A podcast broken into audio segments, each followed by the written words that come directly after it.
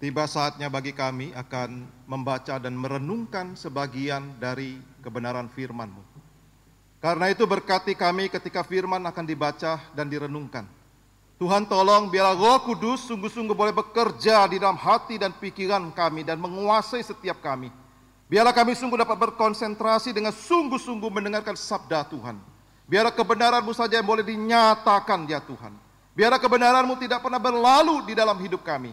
Sungguh-sungguh kebenaran firman Allah ini dapat bertumbuh, menghasilkan buah untuk kemuliaan namamu. Berkati hambamu di dalam menyampaikan dan menguraikan firman pagi ini.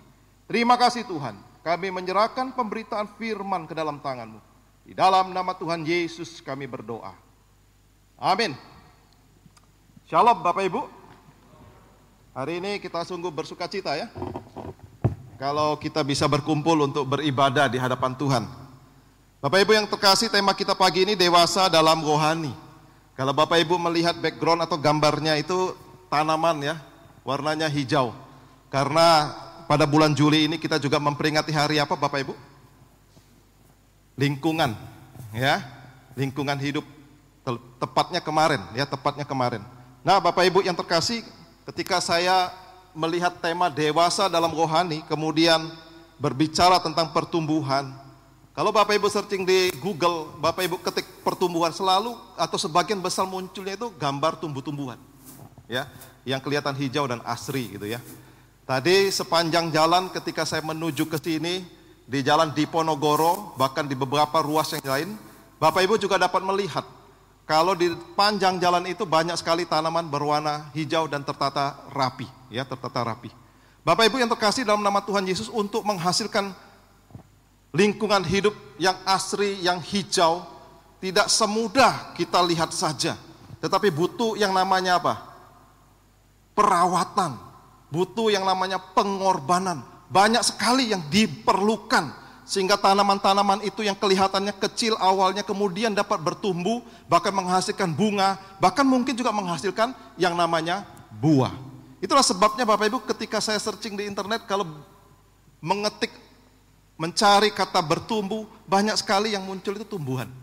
Ya, karena ini memberikan satu gambaran dalam hidup kita. Bapak Ibu yang terkasih, kalau kita melihat untuk peduli lingkungan, untuk menghasilkan lingkungan yang baik, itu butuh pengorbanan, butuh perawatan, butuh banyak hal. Bagaimana dengan kehidupan rohani kita? Untuk kehidupan rohani kita supaya menjadi dewasa, butuh pengorbanan enggak? Butuh kedisiplinan enggak? Butuh pengorbanan tidak? Sangat dibutuhkan Bapak Ibu yang terkasih kalau kita sungguh ingin menjadi orang Kristen yang dewasa. Mari Bapak Ibu saya mengajak kita untuk belajar dari Efesus pasal 4. Kita akan melihat ayat 13 sampai ayat yang ke-16. Efesus Efesus pasal 4 ayat 13 sampai ayat 16 saya akan baca untuk Bapak Ibu sekalian. Efesus pasal 4 ayat 13 sampai ayat yang ke-16 sampai kita semua telah mencapai kesatuan iman dan pengetahuan yang benar tentang anak Allah, kedewasaan penuh dan tingkat pertumbuhan yang sesuai dengan kepenuhan Kristus. Sehingga kita bukan lagi anak-anak yang diombang-ambingkan oleh rupa-rupa angin pengajaran, oleh pemainan palsu manusia dalam kelicikan mereka yang menyesatkan. Tetapi dengan teguh berpegang kepada kebenaran di dalam kasih kita bertumbuh di dalam segala ke arah dia Kristus yang adalah kepala. Daripadanya lah seluruh tubuh yang rapi tersusun dan diikat menjadi satu oleh pelayanan semua bagian bagiannya sesuai dengan kadar pekerjaan tiap-tiap anggota menerima pertumbuhan dan membangun dirinya dalam kasih. Berbahagialah setiap kita yang membaca mendengar firman terlebih lagi yang melakukan firman Allah di dalam kehidupan kita. Bapak Ibu coba tebak kira-kira berapa usia anak yang duduk di tengah ya. Mungkin bisa ditampilkan ya. Bapak Ibu ini ada empat orang ya yang yang di tengah kira-kira Bapak Ibu tahu nggak usianya berapa? Bisa slide-nya ditampilkan?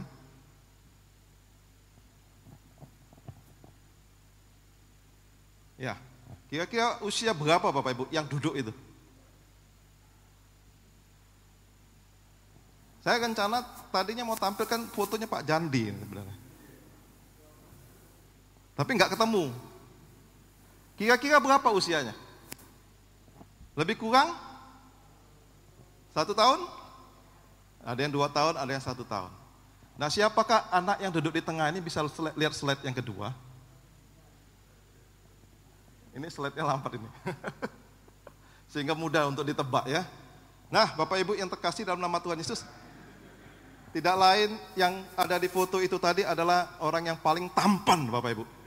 Di rumahnya sendiri tapi, ya, bukan di dunia. Nah, Bapak Ibu yang terkasih dalam nama Tuhan Yesus, mengukur kedewasaan rohani seseorang, Bapak Ibu berbeda dengan jika kita menerka atau menduga, menduga berapa usia orang tersebut. Mungkin akan lebih mudah menebak usia seseorang dilihat dari tampilan fisik dan juga ciri-ciri biologis lainnya. Ya, apakah dia masih anak-anak, apakah dia sudah menjadi remaja, apakah dia sudah dewasa, apakah dia sudah berlanjut usia. Kita dapat lihat dengan dengan mudah seperti foto saya tadi. Ada yang tebak dua tahun, satu tahun dan sebagainya.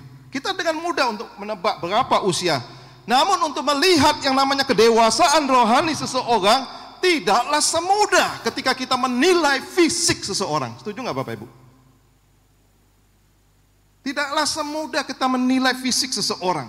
Kita paling tidak harus mengenal lebih dekat akan pribadi orang tersebut dan kita juga akan melihat bagaimana kehidupannya di dalam segala sisi Entahkah karakter dia, entahkah itu cara berpikir dia, entahkah itu perilaku di dalam kehidupannya, entahkah itu sikap hatinya dalam merespon banyak hal.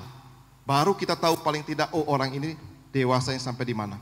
Kedewasaan rohani Bapak Ibu seseorang tidak dilihat dari berapa usia seseorang atau berapa lama dia menjadi seorang pengikut Kristus. Kita dapat lihat tidak sedikit orang percaya yang walaupun secara usia jasmani sudah dewasa, bukan sudah disebut dengan senior, namun secara rohani Bapak Ibu masih termasuk kategori anak-anak. Banyak nggak Bapak Ibu? Kelihatannya usianya sudah senior, tapi bisa nggak dia punya kedewasaan rohani yang masih kanak-kanak? Bisa? Sangat bisa, ya sangat bisa sekali. Jadi usia jasmani Bapak Ibu tidak sebanding lurus dengan usia atau kedewasaan rohani seseorang. Karena ada pula yang usianya sudah lanjut ya, tapi belum tentu dia memiliki kerohanian yang dewasa. Tapi ada juga secara jasmani usianya masih muda, tetapi dia memiliki kedewasaan rohani yang jauh lebih baik. Pertumbuhan rohani Bapak Ibu harus terjadi sejak seseorang memutuskan untuk percaya dan menerima Yesus sebagai Tuhan dan Juru Selamat satu-satunya. Jadi Bapak Ibu saya ulangi, setiap orang percaya yang mengaku Yesus sebagai Tuhan dan Juru Selamat, ya, yang sehat, ya, orang percaya yang sehat imannya harus terus mengalami yang namanya pertumbuhan rohani yang sehat pula di dalam kehidupannya. Pertumbuhan rohani Bapak Ibu harus terjadi sejak seseorang memutuskan dia menerima Yesus di dalam kehidupannya. Orang percaya yang dewasa akan hidup di dalam firman dan firman itu selalu hidup di dalam kehidupannya. Ya, firman itu selalu hidup di dalam kehidupannya.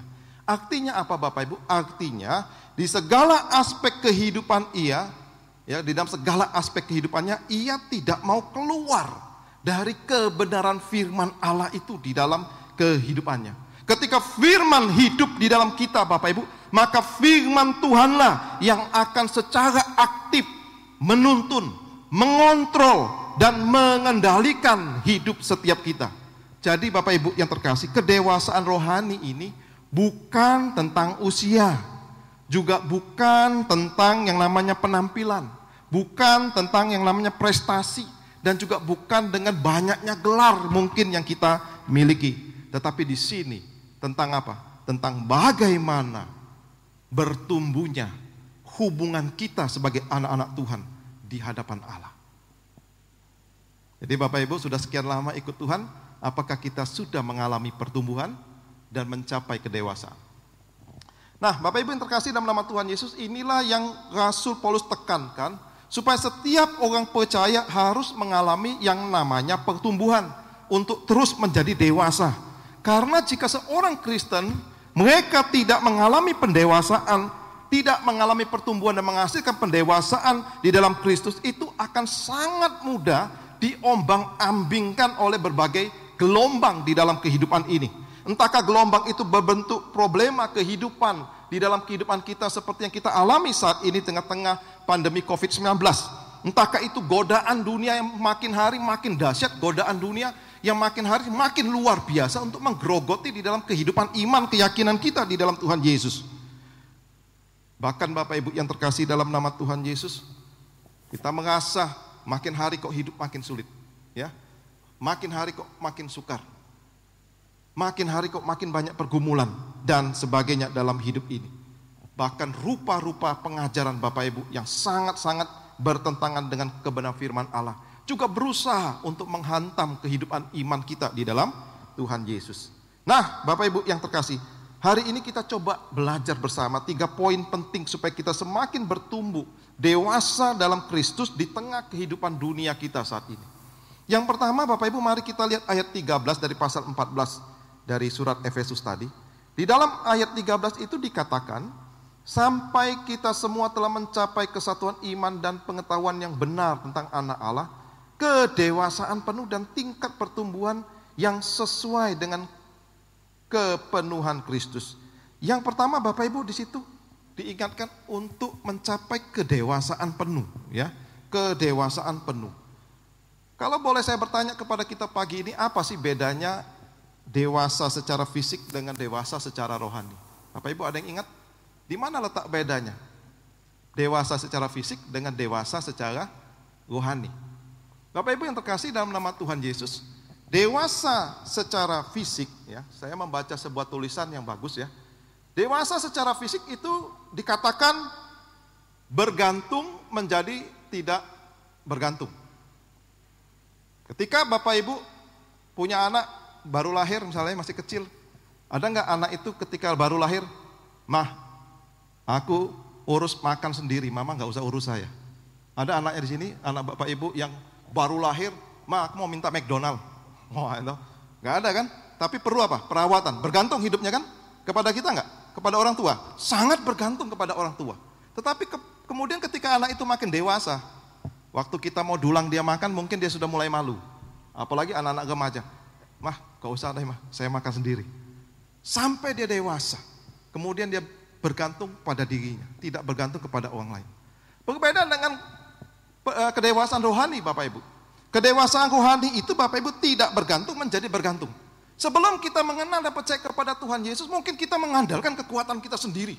Mungkin kita mengandalkan uang kita, mungkin kita mengandalkan intelek kita, pengetahuan kita dan sebagainya. Tetapi Bapak Ibu ketika kita bertobat dan percaya kepada Tuhan Yesus, maka kita harus makin hari makin bergantung kepada siapa? Tuhan. Kenapa kita tidak boleh bergantung pada diri sendiri Bapak Ibu? Di dalam kehidupan rohani kita. Kita harus semakin bergantung kepada Tuhan. Karena kita orang berdosa. Bapak Ibu boleh lihat dalam kehidupan hari lepas hari. Tubuh kita ini loh. Keinginan kita ini loh. Selalu berlawanan dengan firman Allah. Ayo jujur. Bertentangan nggak? Sangat selalu bertentangan. Itulah sebabnya orang dewasa secara rohani hidupnya makin hari dia harus makin percaya kepada Tuhan. Tidak boleh percaya pada dirinya sendiri. Karena kita orang berdosa. Jadi Bapak Ibu yang terkasih dalam nama Tuhan Yesus ini menjadi perbedaan antara kedewasaan secara fisik maupun secara rohani. Karena itulah Paulus tekankan untuk menjadi dewasa, kita itu harus bergantung dan percaya kepada Allah. Dikatakan dengan apa? Dengan mencapai kesatuan iman di dalam bacaan tadi, pengetahuan yang benar tentang anak Allah. Yang ketiga, tingkat pertumbuhan yang benar dalam Kristus. Di dalam ayat 13 tadi.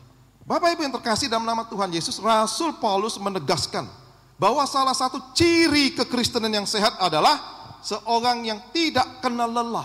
Ya, tidak kenal lelah untuk apa? Untuk terus bertumbuh. Ya, tidak kenal lelah untuk terus bertumbuh menjadi pribadi yang lebih baik, lebih dewasa, bahkan ingin menjadi seperti Kristus di dalam kehidupannya. Ya, rindu terus bertumbuh.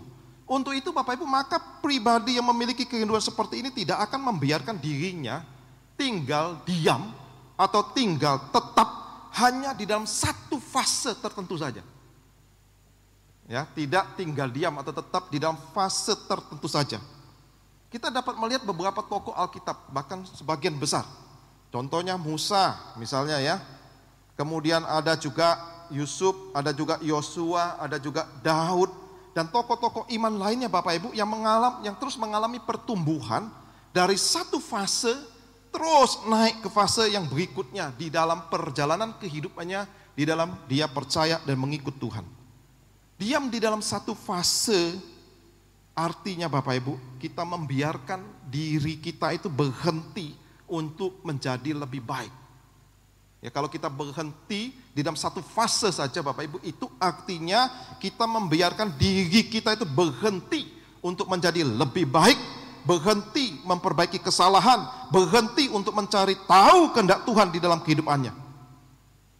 Tidak sedikit saat ini ada orang Kristen yang berhenti pada fase yang stagnan dan tidak ada upaya atau kehidupan untuk terus naik Bapak Ibu supaya dia dapat bertumbuh dan kemudian menjadi dewasa. Penekanan Bapak Ibu kata kesatuan iman, pengetahuan, dan pertumbuhan di dalam ayat 13 yang kita baca tadi. Ini haruslah sungguh-sungguh menjadi perhatian yang serius bagi orang percaya, bagi kita semua jika kita ingin mengalami yang namanya kedewasaan rohani di dalam kita mengikut Tuhan Yesus Kristus. Kesatuan iman yang dibicarakan oleh Rasul Paulus ini Bapak Ibu lebih menekankan tentang pemahaman pemahaman seseorang Bapak Ibu ya, pemahaman orang percaya tentang apa? Tentang firman Allah, tentang kebenaran Allah, tentang Injil Yesus Kristus. Seperti yang Rasul Paulus Bapak Ibu katakan di dalam ayat 4 sampai ayat 6 di dalam Efesus pasal 4. Jadi Bapak Ibu nanti boleh baca Efesus pasal 4 ayat 4 sampai 6. Bapak Ibu yang terkasih, kata kesatuan yaitu artinya unity di dalam bahasa aslinya. Kata ini Bapak Ibu memberikan implikasi bahwa kesatuan yang namanya kesatuan dan keharmonisan di antara orang percaya Bapak Ibu hanya bisa terjadi ya hanya bisa terjadi apabila dibangun di atas pondasi yang kuat doktrin yang sehat. Nah, ya Bapak Ibu ya ini penting. Jadi kesatuan itu bisa terjadi. Kalau semua orang Kristen bertumbuh di dalam pengajaran yang sehat Sementara kata iman, ya kesatuan iman tadi. Karena iman Bapak Ibu. Iman itu di dalam bahasa aslinya itu artinya kepercayaan atau kesetiaan ya terhadap yang kita percayai. Namun di dalam konteks bacaan kita Bapak Ibu, iman di sini tidak hanya sekedar menunjukkan pada kepercayaannya ya, tidak hanya menunjuk pada kepercayaannya, tetapi juga lebih Bapak Ibu menunjuk kepada apa? Kepada pengetahuan kita tentang kebenaran itu. Jadi tidak hanya, oh ya saya percaya Yesus, tapi Bapak Ibu benar-benar tahu siapa Yesus itu. Siapa Tuhan kita. Bapak Ibu banyak orang percaya Yesus, tetapi bisa nggak orang yang katanya percaya Yesus, tapi dia belum tentu mengenal Yesus? Bisa nggak? Sangat bisa. Oh saya percaya Yesus, tapi dia belum tentu mengenal Yesus, bisa kan? Bisa. Karena itu Rasul Paulus di dalam bacaan ini menekan menekankan kita dengan serius. Kita bukan hanya percaya, tetapi kita sungguh-sungguh mengetahui kebenaran itu di dalam kehidupan ini. Karena itu Bapak Ibu kata pengetahuan di dalam bacaan tadi itu bukan hanya sekedar pengetahuan tetapi juga satu keyakinan, ya. Kata pengetahuan di sini Bapak Ibu itu artinya mengacu dalam pengertian lengkap, menyeluruh, akurat, pengetahuan yang sungguh-sungguh dialami, bukan hanya yang ada di kepala, tapi sungguh-sungguh dialami, tetapi sungguh-sungguh dia rasakan dalam kehidupan ini. Bukan sesuatu yang abstrak, ya, tetapi sesuatu yang real, sesuatu yang nyata dalam kehidupannya, yang sungguh-sungguh memenuhi yang ada di kepalanya ini, pengetahuannya ini, yang ada di kepalanya ini. Tentang apa Bapak Ibu? Tentang fakta-fakta suatu objek. Secara khusus di sini adalah tentang Allah, tentang Tuhan ya tentang Tuhan. Jadi Bapak Ibu yang terkasih dalam nama Tuhan Yesus, begitu luar biasa yang ditekankan oleh Rasul Paulus. Kita tidak hanya sekedar percaya kepada Yesus, tetapi juga harus sungguh-sungguh mengetahui siapa Tuhan kita itu. Ya, siapa sih Tuhan kita itu? Karena itu Bapak Ibu yang terkasih, kata pengetahuan di sini itu juga memiliki pengertian atau ide hubungan yang intim, hubungan yang dekat. Jadi dalam konteks di sini Rasul Paulus ingin menekankan supaya kita juga memiliki iman Sungguh-sungguh yang mengetahui tentang Tuhan lewat hubungan yang dekat sekali dengan Tuhan kita. Karena itu Bapak Ibu, kata pengetahuan ini memiliki dua pengertian ya secara aktivitas dan pengetahuan secara konten isinya. Pengetahuan aktif itu merupakan kegiatan mencari informasi dengan ketelitian yang tinggi, belajar firman. Belajar firman supaya dia tahu tentang kebenaran itu. Kita ada belajar nggak Bapak Ibu? Rindu nggak belajar firman? Ya, belajar supaya kita tahu tentang kebenaran itu. Hal ini Bapak Ibu terlihat bagaimana kita terus menggali, ya. Kemudian sedangkan pengetahuan secara konten isi Bapak Ibu merupakan isi atau pengetahuan penuh dari hasil mencari informasi. Ketika kita mendapatkan informasi itu dan kita tahu tentang kebenaran itu, sungguh-sungguh kebenaran itu ada di dalam kehidupan kita. Jadi Bapak Ibu secara harfiah untuk memiliki pengetahuan atau pemahaman yang lengkap dan teliti tentang anak Allah harus melalui proses belajar dan mendalami makna dari kebenaran Alkitabiah. Proses ini Bapak Ibu melibatkan seluruh aspek di dalam kehidupan kita sebagai anak-anak Tuhan. Inilah cara jika kita ingin mengalami kedewasaan penuh. Pertanyaannya apakah kita sungguh-sungguh Bapak Ibu sudah belajar? Jangankan belajar, sungguh-sungguh bersaat teduh nggak setiap hari? Nah itu aja. Bapak Ibu setiap hari nggak bersaat teduh? Amin? Ya, empat orang Bapak Ibu ya, yang amin ya. Iman, saya pernah menyampaikan Bapak Ibu beberapa tahun yang lalu. Iman tanpa pengetahuan tentang Allah, bahaya nggak? Saya ulangi Bapak Ibu, iman tanpa pengetahuan tentang Allah, bahaya nggak? Nangkep pertanyaannya? Nah, Bapak Ibu, iman kalau kita tidak punya pengetahuan yang benar tentang Allah sangat berbahaya. Berapa banyak saat ini orang yang katanya beriman tetapi dia justru meletakkan imannya kepada orang yang katanya bisa bernubuat. Orang yang katanya baru bertobat dari dukun menjadi orang percaya misalnya. Berapa banyak bukan meletakkan kepada kebenaran firman Allah yang benar.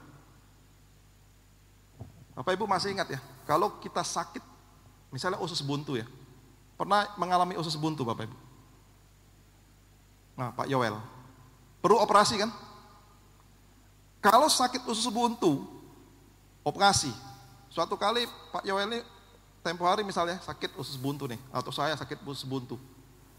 Ada mahasiswa kedokteran datang, baru tingkat satu, ngomong sama saya, Pak Hendra, Pak Hendra kan sakit usus buntu nih perlu dioperasi. Saya operasi gratis. Mau Pak? Ya Pak Yang Ming mau nggak? Gratis Pak. Mau Pak? Berani nggak Pak? Mahasiswa kedokteran 31.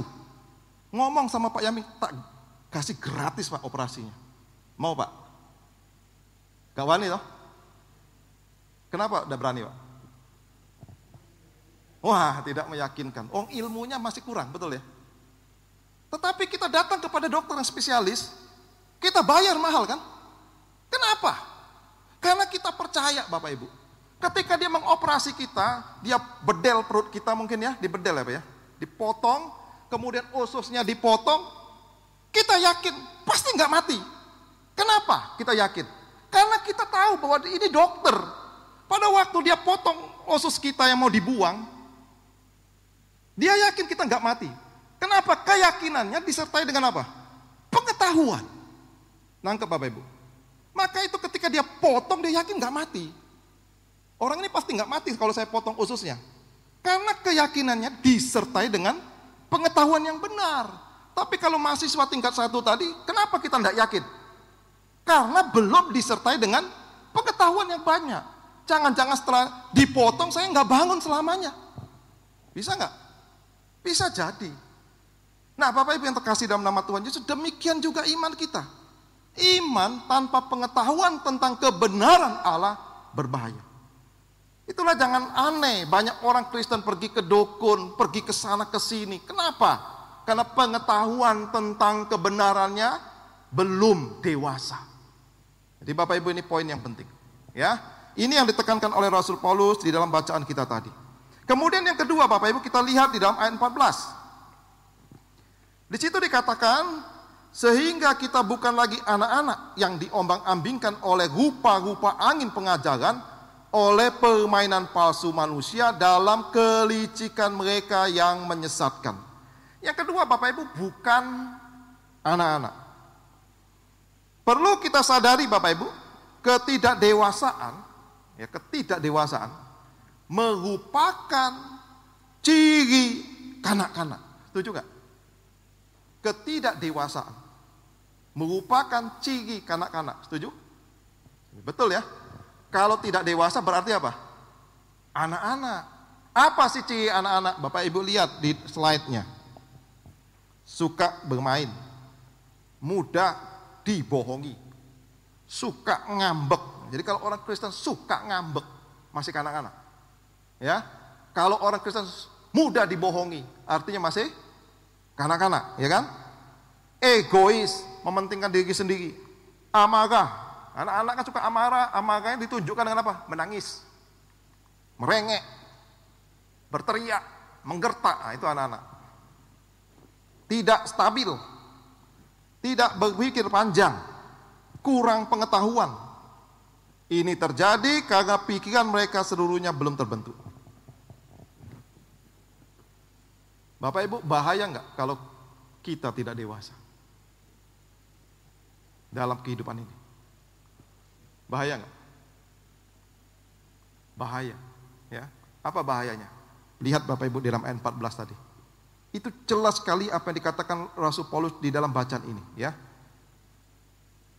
Sehingga kita bukan lagi anak-anak yang diombang-ambingkan oleh rupa-rupa angin pengajaran, oleh permainan palsu manusia dalam kelicikan mereka yang menyesatkan. Bapak Ibu lihat, mudah diombang-ambingkan. Ya kalau anak-anak itu mudah diombang-ambingkan oleh apa? Oleh rupa-rupa pengajaran kata Rasul Paulus. Tentu saja yang dimaksud di sini adalah ajaran yang menyesatkan, yang berlawanan dari ajaran Kristus, Injil Kristus. Kemudian dikatakan permainan palsu, yakni orang yang pandai menipu Bapak Ibu pada mereka yang tidak punya kemampuan, pada mereka yang tidak punya kepandaian, pada mereka yang tidak punya pengetahuan untuk tujuan maksud tertentu. Jadi Bapak Ibu kalau orang yang tidak punya pengetahuan, ya kita kalau tidak punya pengetahuan mudah nggak ditipu orang? Mudah. Saya ingat waktu saya masih kecil Bapak Ibu. Suatu kali ketika saya jalan di pasar, di situ ada orang, ya nggak tahu ya nggak jelas kerjaannya. Dia panggil saya, lalu dengan pandainya dia ngomong, dia minta dompet saya, saya kasih dompetnya begitu saja. Kemudian ada orang lewat tepuk saya. Hati-hati dek, kamu kena tipu. Wah, saya sadar, saya mintain dompet saya lagi. Ternyata dia berusaha untuk ngambil uangnya Bapak Ibu. Tapi saya karena nggak ngerti, nggak tahu, gampang ditipu. Karena waktu itu masih SD saya. Gampang ditipu, karena anak. Demikian juga kehidupan kita sebagai orang Kristen. Kalau kita tidak punya pengetahuan tentang firman Allah, gampang nggak kita disesatkan? Sangat gampang. Sangat mudah. Kemudian Bapak Ibu dikatakan kelicikan. Perbuatan atau tindakan yang tidak benar atau tidak jujur untuk maksud menipu. Kemudian ada kata menyesatkan di situ. Yaitu apa? Menyimpangkan dari kebenaran Injil. Inilah upaya para penyesat Bapak Ibu dan dunia ini. Untuk menyimpangkan orang-orang Kristen dari kebenaran. Mereka ini adalah orang-orang yang punya keahlian Bapak Ibu. Mereka ini adalah orang-orang yang punya kemampuan. Jadi jangan pernah anggap enteng Bapak Ibu ya. Para penipu-penipu ini mereka punya keahlian, mereka punya kemampuan. Orang Kristen yang tidak dewasa inilah Bapak Ibu yang dikhawatirkan oleh Rasul Paulus. Karena orang-orang Kristen yang tidak dewasa ini mudah sekali pikiran mereka itu disesatkan. Ya, pikiran mereka disesatkan. Untuk menunjukkan kekhawatiran yang begitu serius Bapak Ibu, Rasul Paulus sampai menggunakan tiga kata yang artinya hampir sama untuk menggambarkan kelicikan. Dalam bahasa asli yang Bapak Ibu. Hampir sama. ya Baik itu kelicikan, baik itu menyesatkan, baik itu palsu. Katanya hampir sama Bapak Ibu. Sampai tiga kali Rasul Paulus mengulangi. Mengingatkan dengan serius. Penggunaan tiga kata sekaligus ini Bapak Ibu di dalam ayat ini menyiratkan satu penegasan gereja. Ya gereja ini bukan menunjuk pada gedungnya Bapak Ibu. Gereja ini khotbah saya minggu lalu itu menunjuk kepada kita semua orang percaya tidak boleh meremehkan yang namanya kesesatan, bahaya kesesatan. Bapak Ibu, hati-hati ya. Hati-hati dengan bahaya kesesatan. Bapak Ibu coba lihat gambar ini ya. Bisa diklikin? Gambar uang. Semua pasti tahu lah uang ya.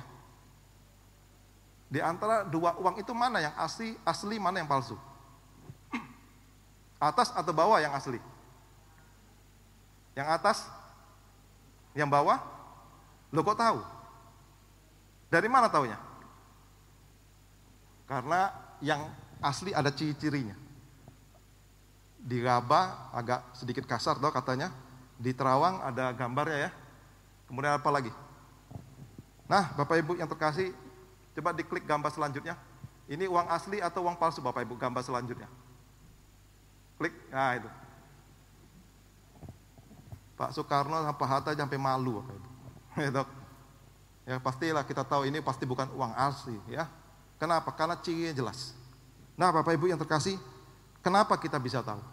Karena kita belajar. Karena kita mengetahui uang asli itu modelnya kayak apa, betul nggak? Ya, kita tahu, dilihat aja sudah tahu, belum diraba nih, belum dipegang, kita tahu. Karena kita punya pengetahuan tentang uang yang asli sehingga kita tahu ini yang palsu. Demikian juga dalam kehidupan rohani kita Bapak Ibu. Kita tahu bahwa ini kebenaran yang sejati dan ini bukan dari mana? Ya dari kita sungguh-sungguh hidup dalam kebenaran. Bapak Ibu yang terkasih, kalau kita tahu kebenaran, maka tidak mudah diombang-ambingkan oleh pengajaran palsu. Yang ketiga Bapak Ibu yang terkasih, di dalam ayat 15 sampai ayat 16. Teguh berpegang pada kebenaran. Betapa pentingnya teguh berpegang pada kebenaran. Karena untuk tidak mudah ditipu atau disesatkan, maka kita harus berpegang dengan kuat kepada kebenaran firman Allah. Di situ dikatakan teguh berpegang pada kebenaran. Di dalam pengertian kebenaran ini bukan hanya dibaca, kebenaran ini bukan hanya didengar, kebenaran ini bukan hanya dibicarakan, dimengerti, tetapi dihidupi. Ini paling penting juga Bapak Ibu harus sungguh-sungguh dihidupi, dilakukan dalam kehidupan kita sehari-hari, di dalam setiap aspek kehidupan kita. Ini yang dimaksud dengan teguh berpegang pada kebenaran. Jadi Bapak Ibu yang terkasih, bukan hanya sekedar mendengar, bukan hanya sekedar membaca firman Tuhan, tapi sungguh-sungguh menghidupi. Itu namanya berpegang kepada kebenaran. Jadi kalau Bapak Ibu punya kesempatan untuk korupsi, tapi karena Bapak Ibu berpegang kepada kebenaran, nggak jadi korupsi. Nangkep Bapak Ibu maksudnya. Itu yang namanya berpegang pada kebenaran. Ya. Jadi bukan hanya baca, bukan hanya mendengar, tapi ketika kita ada kesempatan untuk berbuat dosa misalnya. Tapi karena kita berpegang kepada kepada firman Allah, menghidupi firman Allah, maka kita nggak jadi. Kita diingatkan, lah nggak boleh nipu, oh nggak boleh mencuri, oh nggak boleh korupsi. Kita diingatkan oleh firman itu namanya berpegang Bapak Ibu. Bukan hanya sekedar membaca, membaca gampang. Betul nggak? Mendengar gampang. Tapi yang paling penting adalah bagaimana menghidupi firman itu di dalam kehidupan kita.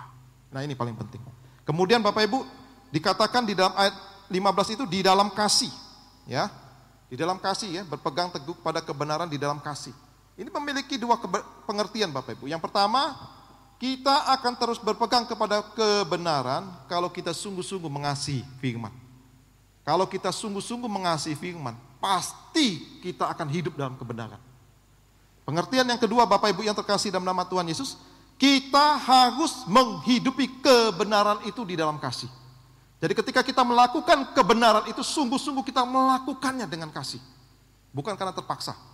Ah saya datang kebaktian karena saya orang Kristen atau saya dimarahin orang tua saya kalau saya tidak datang. Enggak, bukan. Karena saya mengasihi Tuhan. Saya sungguh-sungguh mengasihi maka saya beribadah. Saya sungguh-sungguh mengasihi, maka saya ingin memberi yang terbaik. Saya sungguh-sungguh mengasihi, maka saya ingin hidup dalam kebenaran. Peduli kepada orang lain, berbuat yang terbaik untuk Tuhan. Karena saya mengasihi kebenaran itu.